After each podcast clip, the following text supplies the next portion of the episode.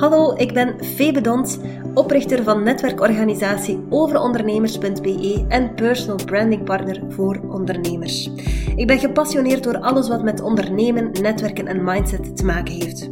Als ik niet aan het werk ben, dan vind je mij samen met mijn vriend Maarten in het mooie Gijzelbrechtegaan aan de rand van de Vlaamse Ardennen. Of aan het sporten.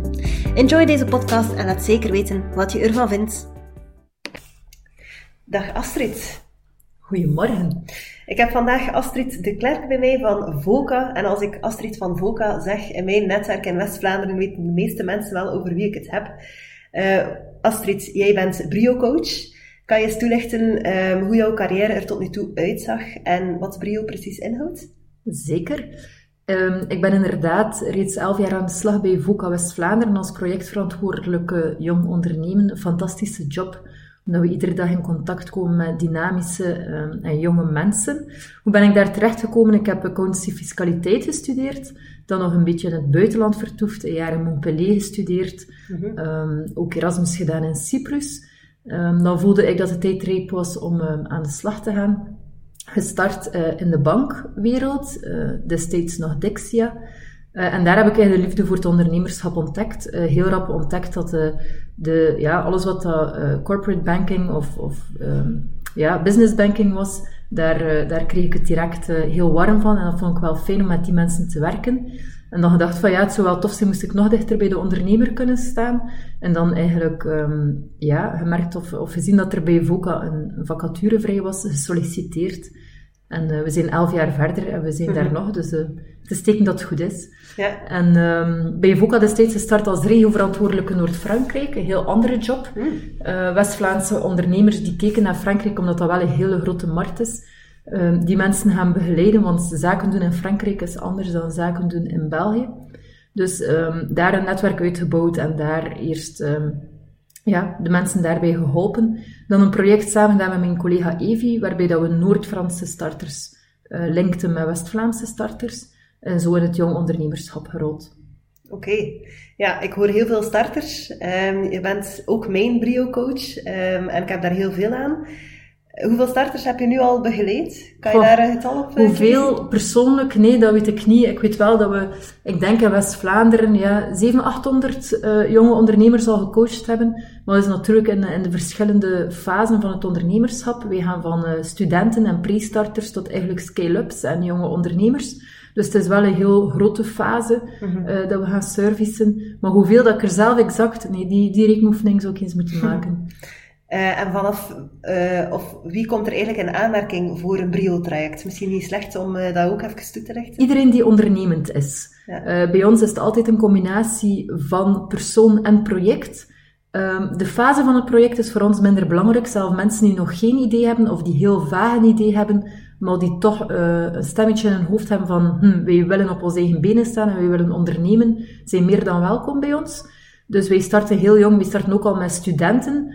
Um, wij vinden niet dat iedere student ondernemer moet worden, maar iedereen moet wel ondernemend zijn. En dat is wel een vaardigheid of een skill waar dat je zeker kan op inzetten en waar dat we graag uh, mee aan de slag gaan. Ja. Dus uh, het start heel jong tot eigenlijk echt scale-ups, um, waar dat we zeggen de fundamenten van de start-up zijn er. Hoe doen wij dat? Altijd een combinatie. Collectieve sessies, maar ook uh, inzetten op individuele coaching, omdat ieder project en ieder persoon is uniek. Dus we zetten in op uh, beide. Ja, en het is niet zo dat het project maximum zoveel jaar al mag bestaan? Nee, we werken wel met bepaalde parameters. Ons motto is altijd de juiste persoon op het juiste moment in het juiste traject. Uh, VOCA is ook gekend voor een Plato-traject. We hebben ook Accelero voor snelgroeiende bedrijven, Familio voor familieopvolgers. Dus we hebben een, een heel groot aanbod. Um, het is dan aan ons om te gaan kijken van oké, okay, in welke fase zit je? Is Brio het juiste verhaal? Maar een bedrijf die, die, die uit de startblokken schiet, die nog volop fundamenten aan het, aan het bouwen is, zal hoogstwaarschijnlijk Brio zijn. Leeftijd speelt bij ons ook niet echt een rol. We hebben ook trajecten voor 45-plussers. Mm. Dus op dat vlak hebben we een, een, een, breed aanbod. En een gesprek met mij zal wel rap duiden van, is Brio het juiste traject of niet? Ja. Uh, kriebelt het dan soms niet om zelf ook te gaan ondernemen als je constant bezig bent met starters en ondernemers? Zeker. Ik heb ook de luxe gehad om te mogen ondernemen. Uh, voor de geboorte van mijn, uh, van mijn dochter um, heb ik samen met mijn beste vriendin de start-up Mr. Toady uit de grond gestampt. Daar maakten we kartonnen speelgoed voor kinderen, vliegtuigjes, autootjes, bootjes, waar dat kinderen kunnen inkruipen en effectief de wereld gaan verkennen. Ik heb dat, um, die toenmalige beste vriendin is op vandaag nog altijd mijn beste vriendin. Dus ook daar, ik heb met mijn, met mijn voeten in de aarde gestaan, uh, gevoeld wat het is om een start-up van scratch op te starten. En ja, het is godverdomme moeilijk. Sorry voor mijn gevloek, maar het vraagt heel veel toewijding, heel veel pitbull mentaliteit. Je moet, er, je moet ja, smoor verliefd zijn op je project om het, uh, om, het uh, ja, om, om te kunnen volharden. Dus ik ben heel blij dat ik dat heb mogen doen. Ik ben ook heel blij dat, uh, dat ik, um, ja, dat dat mooi is afgerond. Uh, Mr. Toady bestaat ook nog altijd. is ondertussen um, ingebed in het uh, familiebedrijf van mijn beste vriendin. Mm -hmm. Dus is echt ja, uh, fijn dat dat, dat dat goed afgelopen is. maar die ervaring heeft mij heel veel bijgeleerd, heel veel bijgebracht. op vandaag is het iets meer focus op de kindjes en voel ik van oké, okay, als je start-up wil uit de grond stampen, dan is zelf 100% toewijding niet genoeg, maar heb je 200% toewijding mm -hmm. nodig en op vandaag kan ik dat uh, niet bieden, gezien de kleine kinderen. Mijn man is ook zelfstandig, dus het is een beetje keuzes maken. Ja. Um, maar wie weet ooit, um, ik zit in een zeer dynamische omgeving, soms komen er wel projecten langs mijn pad dat ik denk van, hm, interessant. Hoewel ook eerlijk zeggen, door zoveel projecten te begeleiden, kom je ook wel zeer kieskeurig en ga ik allee, ga niet meer zomaar zeggen van, oké, okay, hier, uh, hier zie ik graten en dan ga ik mijn karretje aanhangen. Het is echt een, een zeer complexe cocktail. Um, het, ja, het zou moeten klikken met de, met de persoon, het moet klikken met het product of de dienst. De rendabiliteit moet ook goed zitten en ik denk dat dat nog de belangrijkste is. Ondernemen is geen hobby. Dus uh, je moet echt wel uh, zorgen dat de cijfers kloppen. Uh, je moet er kunnen van leven. Dus het is wel het is een moeilijke cocktail. Maar als de trein ooit weer passeert met een eigen idee of een idee van iemand anders, ga ik zeker ja. geen nee zeggen, maar de puzzelstukken gaan moeten kloppen. Ja, ja, logisch ook als je zoveel verhalen hoort, ziet wat er lukt en niet lukt, dat je dan ook wat kieskeuriger wordt en uh, ja, dat je heel, uh, daar heel goed over gaat nadenken om zelf nog een keer die stap te zetten. Nu, dit is een podcast over personal branding, dus ik ga even naar daar shiften. Als ik spreek over Astrid van Voca in mijn netwerk, heel veel mensen weten eigenlijk onmiddellijk over wie ik het heb. Ik weet niet of dat je daar zelf van bewust bent, maar ik denk dat je onbewust wel al een sterke personal brand hebt opgebouwd. Um, ben je daar, je daarvan bewust? Nee, ik was me daar niet van bewust en ik vind het ook een groot compliment, dus uh, waarvoor dank. Ja. ja, ik vind dat wel leuk. Nee, het is, het, is, het is volledig onbewust. Ik merk wel dat het, het is belangrijk. Een netwerk is superbelangrijk, zeker in een organisatie als FOCA. Dus het verwondert me ergens niet dat je dat, dat je dat uitbouwt. Het is ook logisch dat je iedere dag in contact komt met zoveel mensen, dat je dat onbewust uitbouwt. Maar ik was er mij niet van bewust dat ik een personal brand aan het uitbouwen was. Ja, ja. Ja, um, ik denk dat mensen jou al met de juiste zaken associëren en dat ze jouw naam kennen, dat ze weten wat je doet. Dus dat is al zeker een goed, goed fundament dan om een personal brand op te bouwen. Natuurlijk, als je er niet echt je van bewust bent, kunnen we het dan een personal brand noemen? Misschien nog niet echt. Maar uh, het fundament is er wel. Ja, maar we zijn er wel bewust mee bezig, zowel vanuit Foca en ik denk dat is ook een stukje mijn persoonlijkheid. LinkedIn is een belangrijk kanaal. En we zijn nog redelijk jong, dus ik voel, voor mij is het niet echt een drempel om uh, actief te zijn op LinkedIn. Mm -hmm. um, het komt ook echt, het is ook authentiek. De, de zaken die ik post, meen ik ook echt wel. We hebben een groot hart voor jong ondernemerschap, we willen ze ondersteunen. Dus ja, posten over jong ondernemerschap mm -hmm. voor ons ligt zodanig dicht bij onze core dat we dat heel gemakkelijk doen. Ook als team zijn we daar, eh, zijn we daar actief mee bezig. Um, we gaan ook als team gaan zeggen van ja, schrijf je een post daarover of daarover en we gaan dat wel um, kopiëren of hergebruiken en dan onze eigen touch aangeven. Mm. Dus het is wel een item die voor ons belangrijk is, omdat we ook weten, onze doelgroep is ook actief op die kanaal, dus het is belangrijk. Het is ook een vorm van sales, um, marketing, branding. Dus misschien is het ook wel er niet bewust van zijn, ja, Mm -hmm. Het ligt er een beetje tussen. Ja. Uh, maar ik denk niet dat ik het doe uit, uit persoonlijk belang. Ja. Ik doe het eigenlijk echt wel voor, voor VOCA, voor de, de, doelgroep, voor de jonge ondernemers, voor de passie die ik heb voor jong ondernemerschap ondertussen. Het is eerder een, um, mm -hmm. een of een mix ja. dan echt van het is Astrid de Klerk van VOCA. Maar ik denk dat het gewoon een gevolg is. Ja. Een mooi gevolg. Ja, klopt. Je sprak over um, actief zijn op LinkedIn, maar er is ook nog zoiets als fysiek netwerken. Ga je ook soms fysiek netwerken buiten VOCA? Ja, soms wel hoor. Het zal wel 80% foca zijn, maar we proberen ook echt wel um, ons gekend te maken in andere netwerken. Ik probeer een halve dag per week vanuit Han te werken bijvoorbeeld. Dat is de coworking space in Kortrijk. Er zijn daar heel veel startende bedrijven en voor ons is het wel belangrijk om daar ook aanwezig te zijn en te tonen dat we, dat we actief zijn. Dus we proberen echt wel ook het starterslandschap goed te kennen, waardoor dat we ook wel in contact komen met bijvoorbeeld Starterslabo of, eh, of de POM of Start and Go of, of de provincie. En we proberen echt wel overal um, onze vinger aan de pols te krijgen, maar natuurlijk, ja, onze eigen organisatie is altijd een beetje thuiskomen. Mm Dus de bedrijven contactdagen en de, de tuinfeesten, de nieuwjaarsrecepties, dat zijn voor ons wel hoogdagen. Uh, onze Jong Voca activiteiten, daar ja. uh, voelen we ons natuurlijk als een vis in het water. Maar we proberen ons ook wel um, op andere initiatieven uh, ja. ons karretje aan te hangen. Wel interessant voor uh, die kruisbestuiving ook te creëren. Um, terug naar de startende ondernemers dan. Welke um, grootste uitdagingen zie je bij hen vaak terugkomen? Ja, dat zijn uh, vaak dezelfde. focus, dat is echt eentje die we mm. heel vaak moeten meenemen. Blijven focussen op hetgeen dat je doet.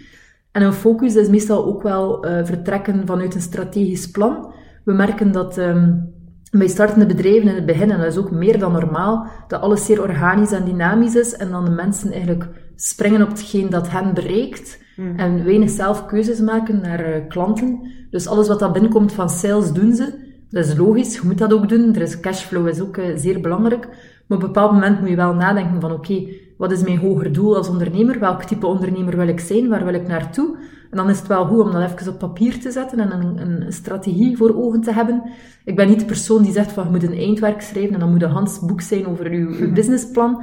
Um, dat kan perfect op een, op een A4, we hebben daar ook goede tools voor.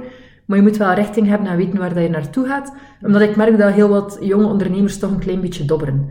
Um, stel dat je naar Engeland wil varen, dan weet je dat Engeland je einddoel is. Als je op zee zit en je neemt constant wind, eerst van links, dan van rechts, dan dobber je wat rond en dan ga je niet echt in Engeland geraken, terwijl dat, dat wel je doel is. Mhm. En als je weet wat je doel is, is het iets gemakkelijker om, er, eh, om, om die richting te volgen. Dus focus vind ik echt wel uh, een belangrijke. Dan uh, zeker ja, ook je laten omringen. Um, er zijn al heel veel mensen die, die iets opgestart hebben, uh, ondernemers die raad en daad hebben om, om, om het iets gemakkelijker te maken. Sommige mensen denken van ja, ze gaan dat niet willen delen met mij, maar niets is minder waar. We merken dan dat er heel veel ondernemers een groot hart hebben voor jong ondernemerschap en heel graag hun ervaring delen. Maak daar alsjeblieft gebruik van. Ga, ga langs bij iedereen. Um, spar met die mensen, uh, leg je uitdagingen voor, stel vragen, vraag hoe dat zij het gedaan hebben. En gegarandeerd neem je één of twee takeaways mee die je weer verder op weg helpen. Dus laat je goed omringen, probeer het warm water niet uit te vinden.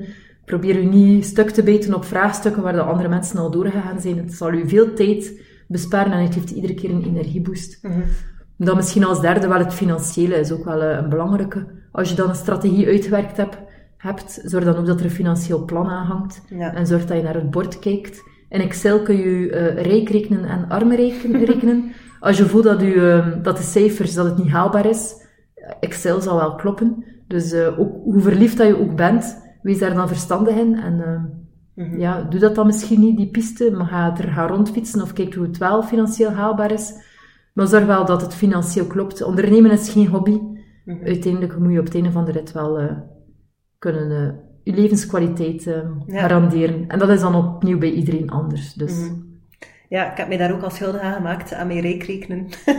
ik heb ook al mijn uh, verwachtingen uh, moeten bijschaven, maar ik denk dat dat normaal is. Ben is het ook voelen en aftasten, wat, wat is er haalbaar? Het is een beetje natte vingerwerk, de eerste keer dat je een financieel plan maakt natuurlijk. En ik denk dat ik nog geen enkel plan gezien heb die uitgevoerd is zoals het geschreven is. Ja tegen dat af is, moet je het alweer veranderen. Ja, dus het is, het is ook geen, een, een, plan schrijf je ook niet om je daar strikt aan te houden. Mm. Je schrijft het om, om richting te hebben, om visie te creëren, om te weten waar je naartoe gaat.